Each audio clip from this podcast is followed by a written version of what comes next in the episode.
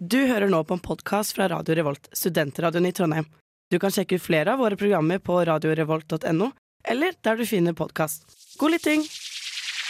Radio Revolt.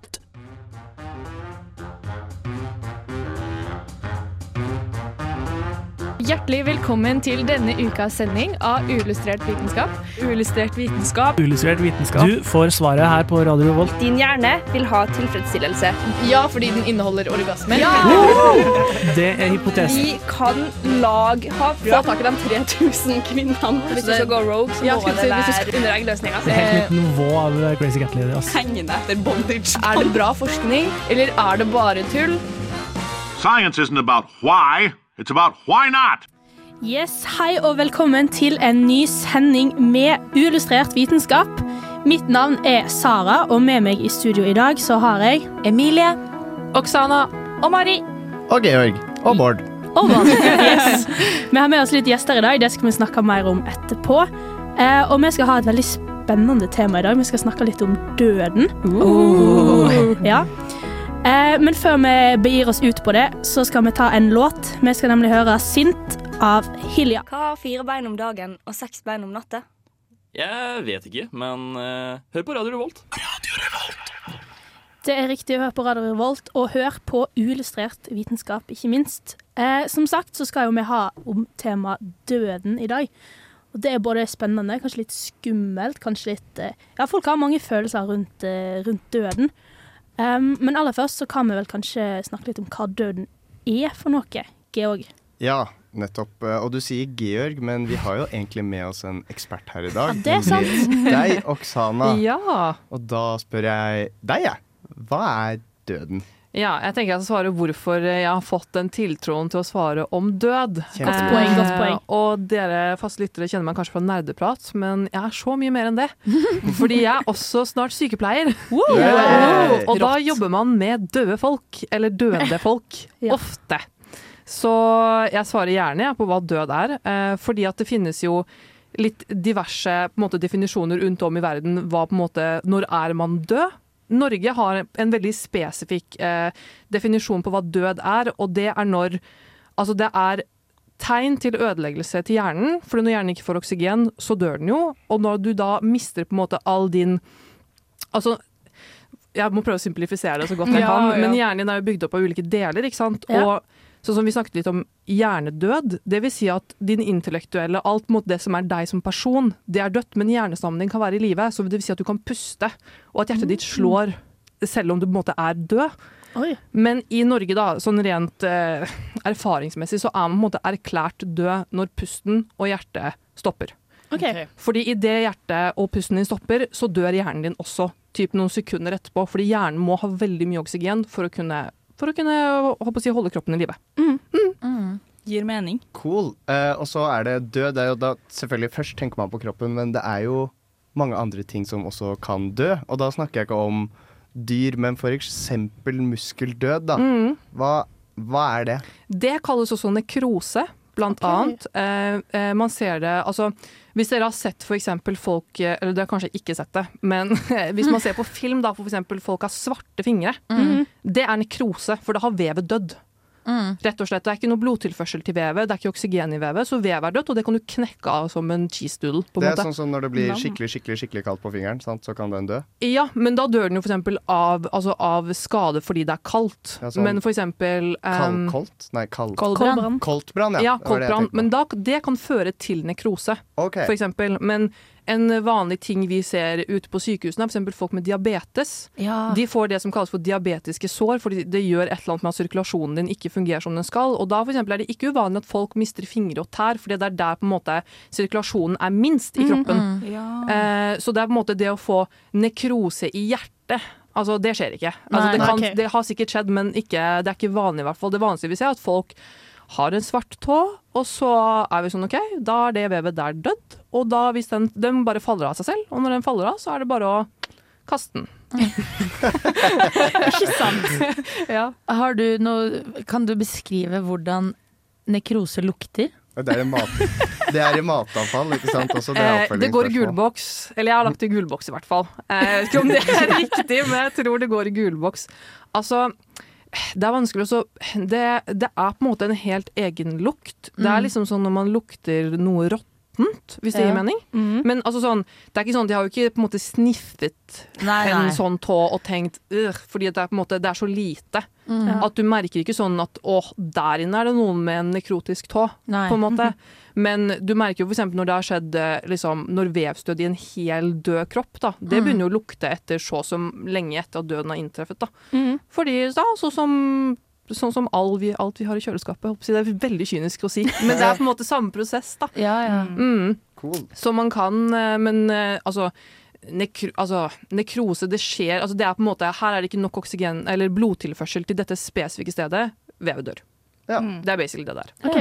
Og så en annen ting som jeg, jeg er ganske sikker på, dette blir en sånn derre Jo jo, dette stemmer, hilsen Mm. meg. Eh, at eh, hår og negler og sånn, det er jo dødt. Mm. Eh, hva hva faktisk, er det? Jeg har faktisk ikke tenkt noe over hår og negler, faktisk. Fordi at uh, det er liksom ikke et- tema som blir tatt opp på skolen om hva det egentlig er.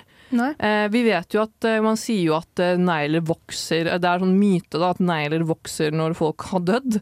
Ja, Og, og det mener jeg husker ble debunka en gang. Med å ha sagt nei, neglene stopper jo å vokse, men huden din trekker seg jo innover fordi du Ja. tørker inn. Så det virker det er sånn som når du fjerner dine cuticles, ikke sant? Ja. så blir jo Mm. neglen din litt lengre, på en måte. Ja. At det er litt sånn samme greie, men det er på en måte ikke Altså, en du ser jo at en negl er Og den er ikke død. Det er jo tilførsel til Altså det er jo proteiner fortsatt, proteinbindinger i en negl eller et hår.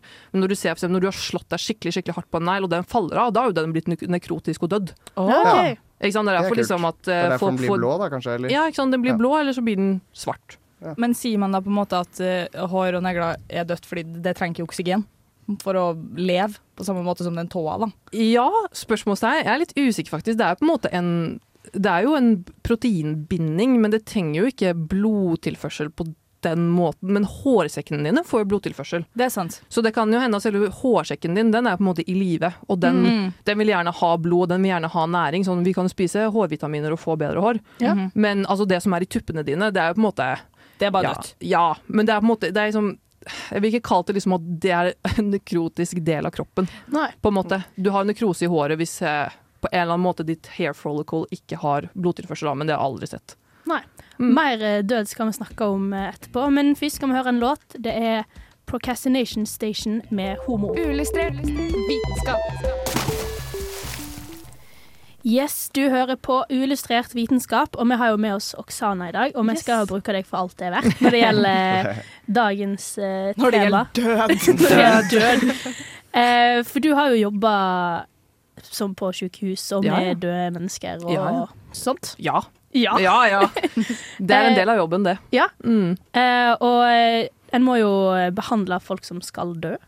Ja, Ja. det må vi. Eh, og det er et tema jeg syns faktisk er veldig, er veldig interessant. Fordi Mm. det er for så vidt også Altså det er en spesialisering man kan f.eks. ta mm. innenfor sykepleie som en master. Fordi at eh, vi, håper jeg, i medisinsk fagfelt vil kalle den Altså livets sluttfase, det kaller vi for altså palliasjon. Det er, det er et eget fagområde som heter palliasjon. Eh, og det skiller seg fordi at når vi snakker om behandling, så snakker vi om livsforlengende behandling. Vi snakker om helbredende behandling. Rehabilitering, altså få folk tilbake der de var. Og så snakker vi også da om palliativ behandling. Egentlig da, bedre sagt, lindrende behandling. Ok. Fordi på et eller annet tidspunkt, eh, dette ser vi som regel ofte i kreft, da. Eh, Fordi ikke sant, det er jo ikke det samme sånn hvis noen er uheldig og er i en bilulykke, så ikke de, går ikke de noen palliativ behandling, for de har vært friske og greie før det. Men gjerne f.eks. mennesker med kreft, da, de vil på et eller annet tidspunkt, hvis de ikke har helbredet kreft, få beskjed at nå vil ikke den behandlingen vi kan gi deg for å forlenge livet ditt funke, av x antall årsaker. Mm. Så nå går vi inn i liksom lindrende behandling. Og det betyr bare at vi, altså jobben vår, er å gjøre eh, det siste delen av livet til en pasient best mulig, smertefri, symptomfri, eh, og rett og slett bare litt sånn grei måte å på en måte leve sine siste år eller siste måneder eller siste dager på. Så har vi rutiner på en måte hva vi gjør. Fordi altså, helbredende behandling og livsforlengende behandling er veldig annerledes fra altså, lindring. Mm. For det er på en måte to helt ulike begrep. Så hvis du går på noe medikament eller en eller annen behandling som er veldig tung på kroppen, da, Mm. hva skjer med den da? Altså, eh, det er, altså det er på en måte typisk Nå kommer jeg til å liksom linke deg opp til kreft, for det er på en måte det som er enklest å forstå. Mm. Um, kreftbehandling er en veldig tung behandling. Det er kjempetungt for kroppen, fordi cellegift altså det, det tar jo dine sunne og friske celler også. Så folk merker jo liksom at både det at altså, kroppen brytes ned, smerter, kvalme, generelt altså psykiske plager Altså det er veldig mye bivirkninger til ulike kreftbehandlinger. Og det er folk veldig klare over når de da får en kreftbehandling. Mm. Men når man da ser at vet du hva, den kreftbehandlingen her, den gir ikke altså, noe resultat, den funker ikke, og da bare stopper man bare. Altså Man gir ikke disse medisinene lenger, fordi at man veier opp på at vi vil heller at folk skal ha det greit det siste året, enn at de skal ha det fælt i fem år til. Mm. Og dette er jo opp til pasienten selv. Da. Pasienten kan jo selv velge å si at eh, nå har jeg vært gjennom to runder med, med behandling, Mm. og nå vil jeg ikke mer. Og da må jo vi si det er greit. Det, er, det er ditt eget valg. Hvis de ikke er samtykkekompetente, så er det pårørende som tar den avgjørelsen, f.eks. Um, og da bytter vi ut medisiner, og den eh, nummer én ting, den viktigste tingen så vidt jeg har forstått og måtte fått med meg som er viktig med lindrende behandling, det er smertestillende. Mm. Ja. Ja. Fy faen, man får mye morfin. Hvis man ønsker. Ja. Man kan nekte, pårørende kan nekte, men rent anbefalt sett så morfin, altså midazolam, alle disse beroligende, smertestillende midlene man kan få, det, er liksom, det får man gjerne på pumpe òg, og da Mm. får man liksom Da er man godt, godt medisinert. Men er det noen grunn til at man skulle nekte det? Siden du sier at de kan, eller pårørende kan nekte det. Det, altså det kan jo være enten om det er religiøse årsaker, eller om Mm. det er bare Altså, noen folk bare sier jo bare nei. Ja. Bare at de, jeg vil ikke ha det her pga.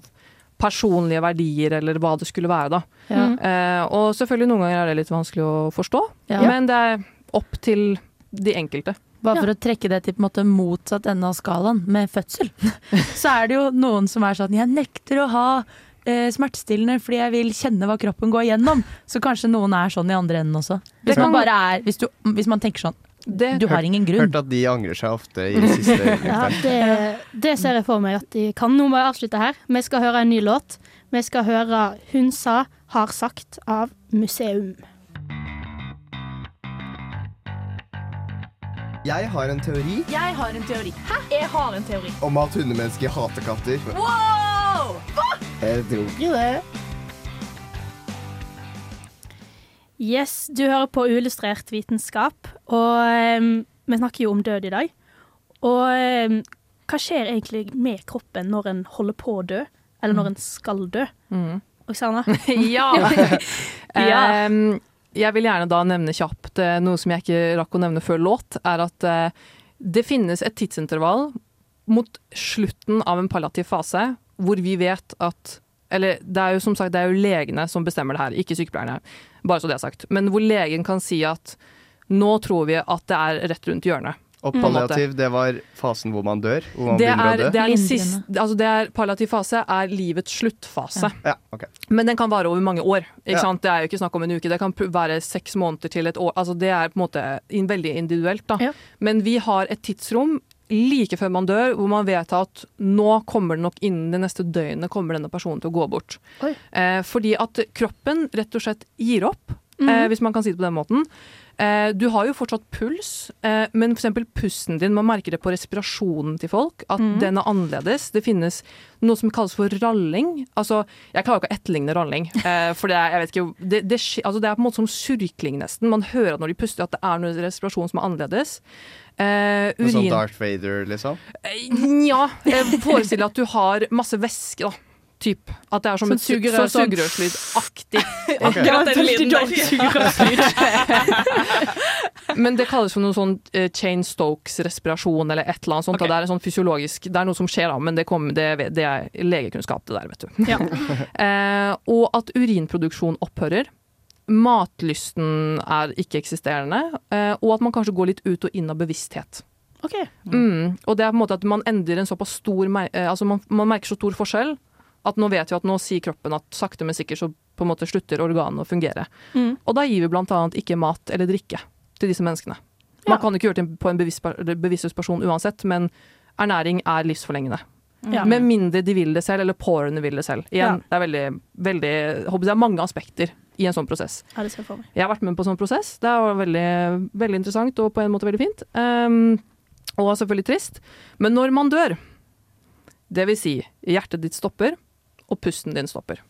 Da kan, en lege, da kan du tilkalle en lege, fordi i Norge skal ingen dø alene heller, i hvert fall ikke på offentlig institusjon. Så mm. da sitter det alltid en sykepleier sammen med den døende pasienten inne på rommet. Fytti raka for en jobb å ha. Ja. Ja, ja. Eh, og så da man merker at ok, pusten har stoppa, for det går ofte først, Mm. og så kjenner man etter puls, og så hvis da pulsen ikke er der, så tilkaller man legen, og så kommer legen og da undersøker og er 100% sikker på at denne personen er faktisk død. Ja. Eh, Noen ganger så er de HRR, HLR Veldig viktig.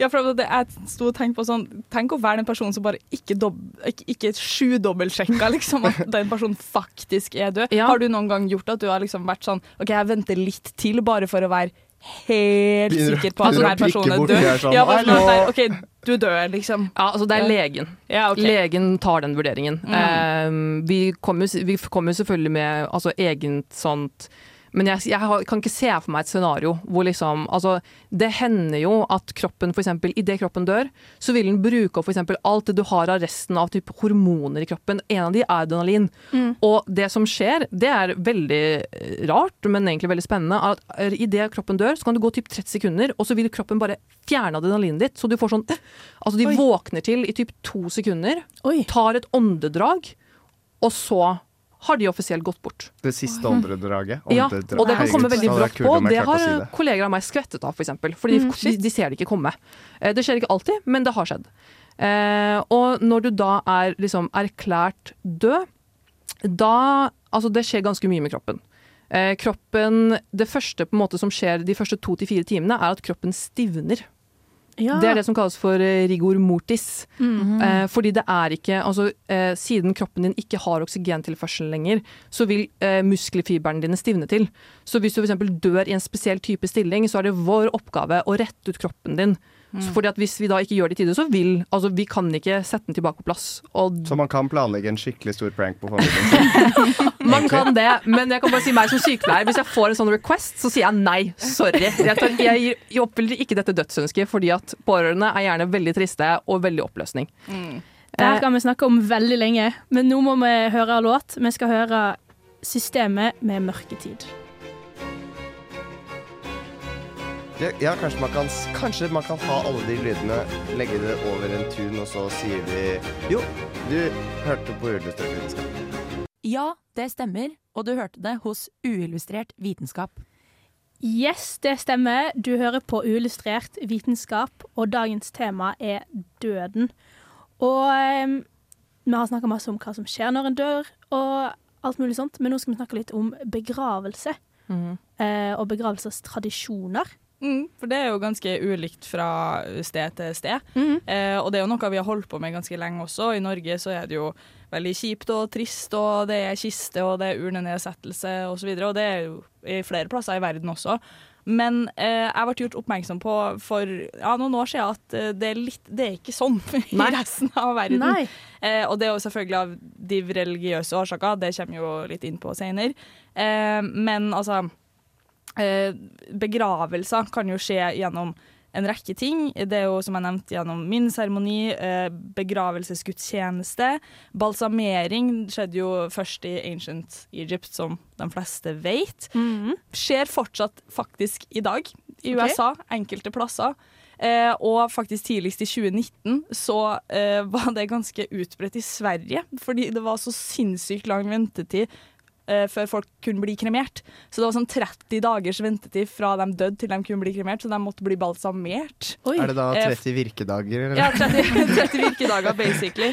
Eh, og noen altså, Som sagt, i Norge så er det jo en veldig, ofte en veldig trist seremoni, og man sørger ganske lenge over den her døde personen. Mm. Mens i noen andre land så feirer man egentlig de døde og det livet de har hatt. Det er en Ja. fest, da. Det har jeg vært med Basically. på. Ja, du har gjort det. Jeg, har, eh, for at, jeg husker ikke helt hvor det var, men jeg har sett et sted, og jeg har hørt at på sånne her fester da, så er den avdøde pakka inn i jeg vet ikke, et teppe eller en kiste eller noe, og så crowdsurfer den gjennom liksom de, Alle folkene liksom bærer det her døde mennesket og er sånn Yeah! Det er så Dude! Jeg får helt sånn ja, Det er jeg dritrart, men det er gøy at det kun er kultur som gjør at det er rart for Det er meg. akkurat det, fordi at eh, det er jo litt interessant at vi, det å liksom eh, legge inn masse tid, ressurser og energi i å begrave et menneske, tyder jo på noe kulturelt og tradisjon hos mennesker. Og da ble jeg veldig sånn Hvor lenge har vi holdt på med det? Altså, liksom, men, eh, og arkeologer har faktisk funnet bevis på at vi kan gå helt tilbake til neandertalertid, og at neandertalerne faktisk gravla mennesket, altså en del av hva skal jeg kalle flokken, eh, eller stammen, da, eh, av, liksom med gaver og sånne ting.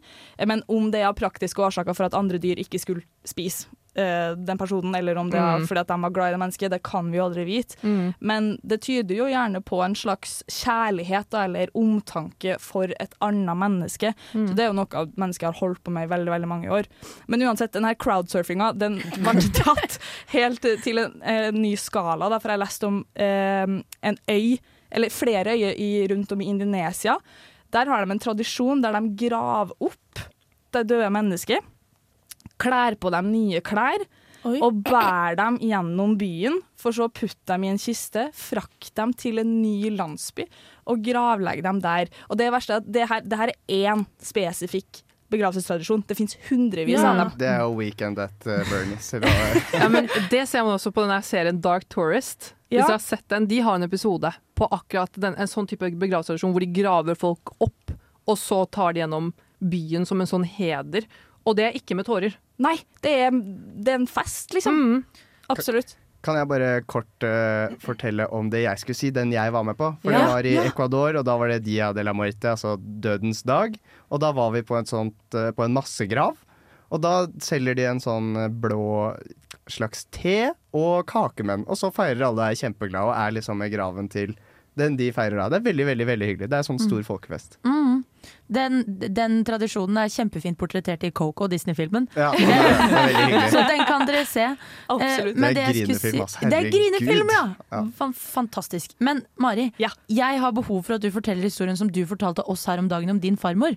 Oi, eh, ja, eh, eller Eller jeg tror, ikke ikke det gjelder vil, bare, jeg tror ikke det gjelder bare hun, da, men jeg tror eh, i gamle dager, eller for ikke nødvendigvis så lenge siden heller, men ok, la oss si før krigen og litt etter krigen, ut på bygda i Norge, så var det jo ikke så vanlig at begravelsesbyrå eller begravelsesbilen kom spesielt fort. Mm. Um, og um, så jeg, vet at det fins Altså, jeg tror ikke det var så uvanlig å oppbevare det døde familiemedlemmet, for de bodde jo ofte på gården eller noe sånt, i garasjen.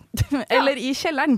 Eller sånn i fjøs, altså et sted der det var kaldt. Men det her vet jeg jo også er noe som har blitt operert med i, ja, på gamlehjem, da, for eksempel. Hvis det, men det er liksom det spesifikt at det her må være ute i gokk og avsides fra byen. Så må det liksom Da er det jo på en måte bare en flokk med døde da, som oppbevares Der er sammen. gjengen. Det, det, Gjengen samla. Siste gangen. gang. Yeah. Absolutt. Det, det, det syns jeg er litt interessant, da, for det sier jo litt om hvor um, Det er ikke så lenge siden forholdet til døden var annerledes, på en måte. Mm. Ja. Ja, hvis jeg kan få lov til å skyte inn fra min eh, foreldres kultur, siden jeg har jo ikke norsk kultur. Ja. Eh, jeg er jo vant til katolske begravelser, som jeg har lært er faktisk annerledes fra, fra si, protestantiske begravelser. Min første gang jeg så en død person, da var jeg syv år gammel. Og det er fordi at åpen kiste, det er vanlig. Det er en ting. Det er en ting. Det er en ting. Eh, og den første døde personen jeg så, var min oldefar. Som da, men han da, la da ikke en åpen kiste, han lå i et glassrom. Oi. Et stort glassrom, altså i dress, med ringer. Så veldig le, altså, levende ut, til sikkert sminket eller et eller annet sånt. Så, måtte, så gikk man på tur i, på dette rommet, og så var han bak et glass, og så kunne man se han full body i dress. Og så kunne man liksom si ha det, eller Jeg var sju år, jeg skjønte ingenting. Dette var en mann som alltid har bare vært sånn en fjernt familiemedlem for meg, så jeg syntes jo det her var kjempeinteressant. Ja, ja. Eh, og det å stå og glana kjempelenge på han, og lurte på om han skulle bevege seg eller ikke. Så faren min måtte jo være sånn OK, nå, nå er det nok! Nå må du komme. Det høres jo egentlig ut som en veldig fin ting, da. En sånn siste, siste ha det bra til en person som en har kjent veldig lenge. Nå skal vi ta og høre en eh, ny låt. Vi skal høre Man-Sized med Dette er eh, fysiker, programleder eh, og fire ganger norgesmester i morellsteinspytting. Andreas Wahl, det skjønte du på den introen. Og akkurat nå så lytter du til uillustrert vitenskap. Men det visste du forhåpentligvis. Det er helt riktig, du hører på Uillustrert vitenskap. Og i stad så snakket vi litt om begravelser og begravelsestradisjoner. Og noe som er nesten enda mer spennende, er jo at når en dør, livet etter døden, hva skjer? Åh, det er så spennende. Det er jo mennesker helt sjukt opptatt av.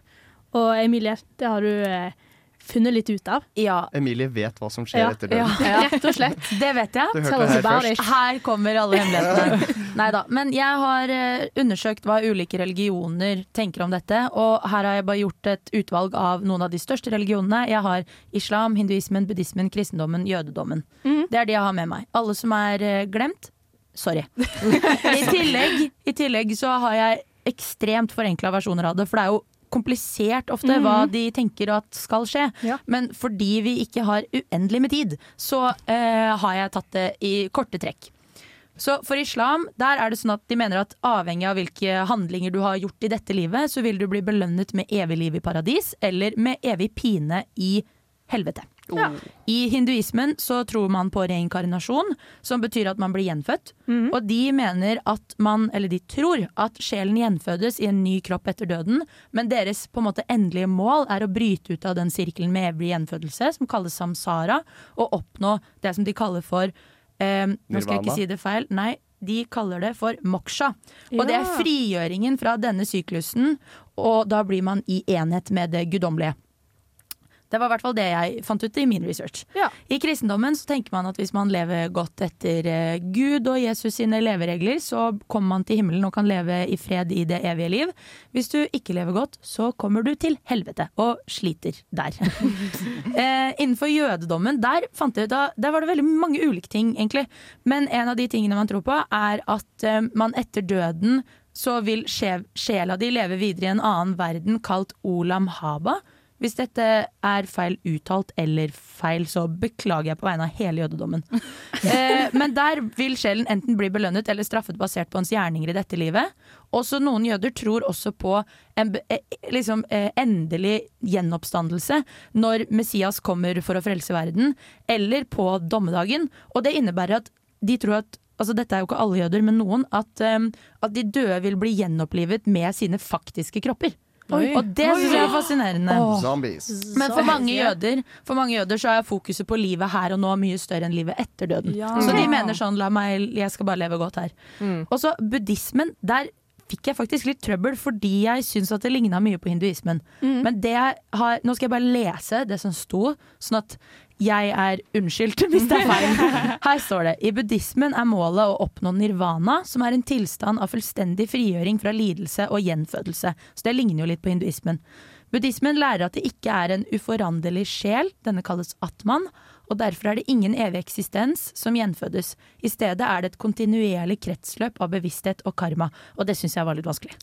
Det var litt Det Men- høres veldig komplisert ut. Som en oppsummering av min munndiaré her nå, så har jeg lyst til å spørre Det kan hende det er litt personlig, det får Ja. dere si, men ut av disse konseptene som er presentert her nå, hva, føler, hva tror dere? Hva, det, altså Dere kan tro noe helt annet òg, men hva tror dere, liksom? Vet du hva, Jeg har tenkt faktisk veldig mye på det, for jeg har skikkelig dødsangst. Uff, nei, Nei, og du er her! Ja, er. Nei da, men det har hjulpet veldig å jobbe med det her. da. Det Ja. har blitt mye bedre over de siste årene. Men jeg er faktisk overbevist på at uh, man blir reinkarnert. Ja, det er det, Selv om jeg på en måte er oppvokst katolsk, så syns jeg det ikke gir mening på en måte at man Det er enten-eller. At jeg tror at basert på hva du gjør i dette livet her, så vil du bli straffet i ditt neste. Det er sånn min teori når folk sier at det er helvete på jord. Det er sånn, hva, Har du et kjipt liv nå, er det fordi du var et jævla kjipt menneske i ditt forrige liv, så du må gjøre bedre med dårlige kort. Ja. Noen syntes at det var veldig problematisk av meg å si en gang jeg sa det. At sånn, å ja, fordi folk har det kjipt fordi, du, kan- altså, fordi de skal skylde på tidligere liv. Sånn, nei, altså, jeg vet jo ikke. Det er bare en teori. Det er sånn jeg klarer på en måte å forklare at hvorfor det finnes så mye fæle ting i verden. At, altså, ja, at ingen fortjener på en måte å bli født i en dårlig situasjon. Mm. Og det er på en måte det eneste resonnementet jeg klart å komme til at kanskje det er derfor. Ja. For det gir liksom ikke mening at altså, Gud skal være snill. Jeg eh, har også tenkt på dette flere ganger før, og spesielt når jeg hadde religionsundervisning på liksom, tidligere skolegang, da, så har jeg tenkt at jeg klarer ikke å ikke tro på noen av dem. Så jeg tror på en måte litt på alt, for hvem er jeg til å si at du tar feil, på en måte? Ja, agnostiker. Så i, kanskje Uansett. Poenget En agnostiker sier jo 'jeg vet ikke om Gud fins eller ikke', derfor kan jeg ikke si noe. Men jeg tenker at Islam kan ha rett, kanskje det skjer med meg etter døden. Buddhismen kan ha rett, kanskje det skjer med meg Mm. etter døden. Så jeg Mm. vet ikke om det tilsier da at det vil si at jeg har et agnostiker-tankesett på det. Men jeg bare tror litt at absolutt alle religionene har rett, liksom. Jeg, jeg føler jeg er litt med på den. Jeg har lyst til å tro en ting, men jeg klarer ikke overbevise meg selv om det, hvis det gir mening. For jeg Mm. ser jo for meg at det bare blir ingenting. Men det, jeg har også veldig store problemer med å se for meg at noe er ingenting. Gir det Mm. mening? Hvordan er bare nada? Ja, det er jeg helt enig med. Det er sånn Jeg vet ikke helt hva jeg skal tro på, og eh, vi skal prøve å finne Eller der kan folk prøve å finne svar på sjøl. Nå skal vi høre 'Finding Neo' med 'Still Feeling You'. Radio Revolt. Det er riktig, Radio Revolt, og du hører på Uillustrert vitenskap. Yeah! Eh, yeah! Og nå skal vi fra Vi har snakket om et veldig alvorlig tema, men nå vil vi høre litt fun facts. Georg, Ja, vi Take it skal away. eh, høre morbide ting som er gøyale med døden. Ja. Eh, og det aller første da, som veldig mange helt sikkert har sett på film om vikingtiden og sånne ting, og, eller bare av og til, i hvert fall har jeg inntrykk av det, er at når noen dør, så legges, så legges det mynter på øynene til den døde. Har dere sett det Mm, før? ja. Nei. Jo, Game of Thrones så gjør de det. Ja. Ikke sant? Ja. Og da eh, tenkte jeg sånn da, Vi snakket jo litt om det her i forkant. Sånn, ok, Hvorfor gjør de det her? For å holde øynene igjen. Det er jo ikke noe poeng i det, fordi som Oksana sa, du får jo sånn rigor mortis. Altså alle muskler bare stivner jo som de er. Så hvis du dør med øynene lukket, så er det ikke sånn at de åpner seg. Så da gjorde jeg litt research, og det er nemlig det hadde, De trodde sikkert litt at det skulle åpne seg, da, men la, de la Herregud. De la mynter oppå øynene for at ikke blikket skulle skremme de rundt. Oi. Det er litt uh, kult. De skulle ikke få makt over de gjenlevende, så det var, det var en ekstra sikkerhet. Og myntene var ofte gjerne i sølv, og det var for å få demonene vekk fra den døde. Ja, skikkelig overtroisk eh, greie der. Serr? Så det var ikke bare fordi at myntene var tunge, på en måte? Nei, det var, eh, den hadde faktisk et skikkelig bruksområde. Jeg vil bare også gi bare en kjapp eh, faktaopplysning. Rigor mortis opptrer to til fire timer etter at den har død. Altså. Så det er ikke sånn at det er, du fryser i idet Ja. du dør. Det Men det er du, kan, du kan ikke ligge bare i to timer i en spesiell stilling. For da stivner du til litt overtid. Ja. Ja. Mm. Eh, en annen ting som også handler om mynter og død, eh, og nå skal vi til eh, det greske hva heter det, mytologien, Mhm. nemlig, og det var at det var mange som eh, døde. Da fikk de en mynt i munnen, en gullmynt. Og det var for å betale Charon, Ja. eller Karon, jeg vet ikke helt om jeg uttaler det riktig, men det er i hvert fall eh, denne demonen eller guden eller whatever som frakter deg over eh, elva Styx til de døde. Og hvis du ikke da har mynt til å betale, så er du nødt til å gå rundt i eh, en sånn limbo, da, der hvor du verken er død eller levende, i 100 år. Oi. Før du får lov til Oi. å, Ikke kult. Eh, å gå dit. Det er ikke lett å være fattig. Det er ikke lett å være fattig. Oksane, jeg lurer på hva syns du er det sykeste som skjer i etterkant av død, eller i død, eller bare et eller annet som ikke vi vet? Eh, altså, jeg vil, ikke, jeg, vil ikke kalle det, jeg vil ikke kalle det sykt. Jeg vil kalle det en rutine som er kanskje interessant for folk å vite. Ja, det høres sykt ut. Eh, men det er ikke så sykt, nei. Eh, det, er, altså, det er et konsept eh, som man gjør på sykehus hvis man dør på et sykehus, som heter mosh. Ja. Staves som mors. Nei. ikke, jeg trodde også de mente moshpit første gang jeg hørte det. Men når man sier sånn Ja, nå på rom bla, bla, bla, er det et mosh. Det betyr at noen har dødd, og det betyr at vi skal istandgjøre en prosess som vi gjør på sykehuset, før pårørende kommer, og før begravelsesbyrået kommer og henter de. Eh, som da innebærer et eh, morsstell. Det vil si at eh, du blir alltid vasket. Sånn som man får et sånt, altså sånn man, jeg håper jeg er levende òg, så får man jo et stell i seng hvis man ikke klarer å komme seg til dusj. Mm. Hvor vi vasker pasienten ganske grundig. Vi kan legge på en sånn eh, hakestøtte, sånn at munnen er lukket. Vi lukker selvfølgelig øynene hvis de er åpne. Eh, Ikke noen mynter der, kanskje? Nei, ikke noen mynter. Det er bare sånn silikon vi legger liksom for å lukke munnen. Ja. Um, og så vasker vi bare rett og slett kjempegrundig, og så har vi eh, et divers sett med laken som skal på en måte pakkes og legges på en helt spesiell måte. Eh, og så skal det henges opp lapper forskjellige steder på kroppen, for det kommer jo en portør og henter den døde inn på et likrom, da, som St. Mm. Olavs har. Eh, og eh, alt fjernes. Altså alt du har av PVK i armen. Eh, ting altså Hva er eh, PVK? Eh, sånn veneflon, sånne intravenøs ting, Oh, ja. sånne Ja, dings okay. man har under Ja. huden i en eh, vene, det fjernes. All, eh, all tegn til liksom om det skal være avføring, urin, blod, alt renses. Sånn at det gjøres, og det finnes eget morsteppe som man legger på toppen. Og det er egentlig hensikten der er jo egentlig når da pårørende skal komme og si ha det, for noen ønsker det, da har de en velstelt person å komme til. Mm. Du kommer liksom ikke til en person som er dekket i avføring, liksom, for det er jo veldig Mm. uverdig. Så vi gir en person en veldig verdig rens, da, kan man kalle det. Mm. Mm, med såpe og vann. Eh, og bare fun fact, en sykepleier jeg var, deltok på et morsstell med, kjempehyggelig sykepleier, hun sa til meg at eh, jeg pleier å snakke Ok. til personen når jeg vasker og forteller hva jeg gjør, sånn som jeg ville ha gjort hvis personen var levende. Mm. Og det syns jeg bare var så fint. Ja, det er veldig fint. Så sjukt hyggelig å høre at det er sånn det går. Nå skal vi høre en uh, ny sang. Det er Guro Veland Sætre med Nei. Antilandfront med 'Jeg likte ver- verden bedre før'. Martin The Lepperød, du hører på Radio Revolt. Yes, du har hørt på Uillustrert vitenskap i dag, og vi har lært helt sjukt masse om døden. Eller jeg har i hvert fall lært helt sjukt masse. Jeg òg. Jeg også. Absolutt. Så bra. Så eh, tusen takk til Oksana, som Jo, har vært, selvfølgelig. eh, har vært Applaus, vår applaus, applaus. klippe i dag. Ja. Det er veldig bra Veldig bra jobba. Ja, det vil jeg si. Det var Tusen veldig takk. spennende. Hvis jeg kan få noen avslutningsord, bare. Ja. Selvfølgelig. Jeg, ville bare, jeg vil bare si til alle som lytter, at eh, død er trist, men det er ikke skummelt, og det er helt naturlig, og det finnes masse ressurser til pårørende. Det er For det rakk vi aldri å snakke om, men pårørende har ressurser de kan bruke, fordi det er en vanskelig ting å gå gjennom. Mm. Yes, Mm. det er veldig fint. Og da avslutter vi med Hva er vitenskap? Vitenskap er dødsfest! Ha det bra! Ha det! Ha det, ha det. Du hører nå på en podkast fra Radio Revolt, studentradioen i Trondheim. Du kan sjekke ut flere av våre programmer på radiorevolt.no, eller der du finner podkast. God lytting!